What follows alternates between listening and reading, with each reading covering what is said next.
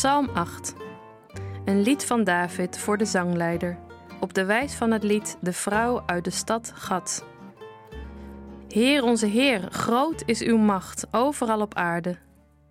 In de hemel klinkt een lied over uw macht. Zelfs kleine kinderen zingen over u.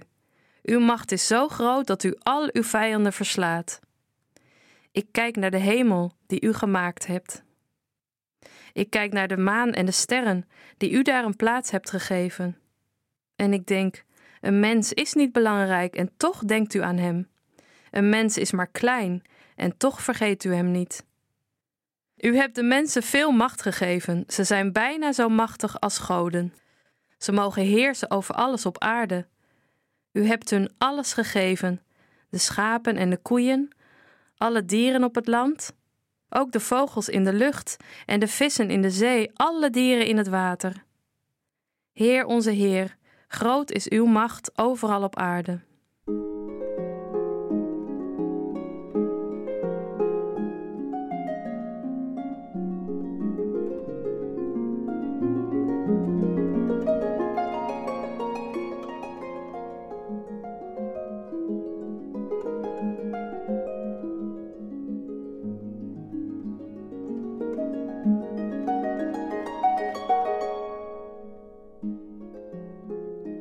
Hoor ik je denken. Een psalm die niet zo moeilijk of zwaar is.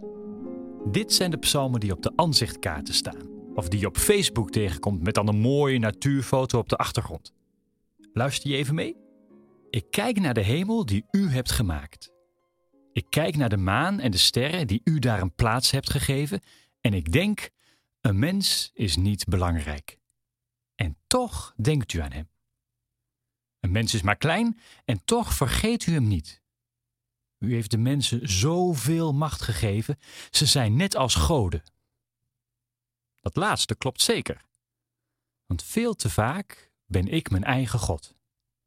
Ik aanbid mezelf.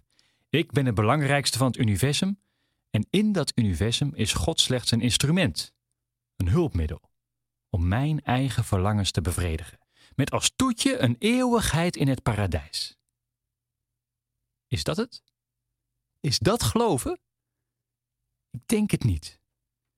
Als we kijken naar de wereld om ons heen, de macht en de pracht van de natuur, maar ook de mooie dingen die mensen kunnen bouwen in steden als pakweg Parijs of Rome, daarvan zou je onder de indruk moeten zijn. Maar onder de indruk van wie? Van God? Voor heel veel mensen geldt dat niet, maar voor deze psalmdichter wel. Hij kijkt om zich heen en ziet de macht van God en daarmee het bestaan van God. Maar daar blijft het niet bij. Deze psalm zegt niet alleen iets over God en over zijn macht, maar ook over de onze. En onze macht moeten we aanwenden om het goede te doen, het rechtvaardige. In de katholieke leer draaide het altijd om het najagen van drie zaken: het ware, het goede en het schone.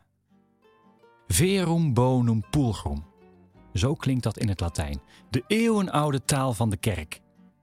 Ik vind het een prachtige opdracht voor vandaag. Op zoek naar het ware, het goede en het schone. In mezelf en in de wereld om me heen.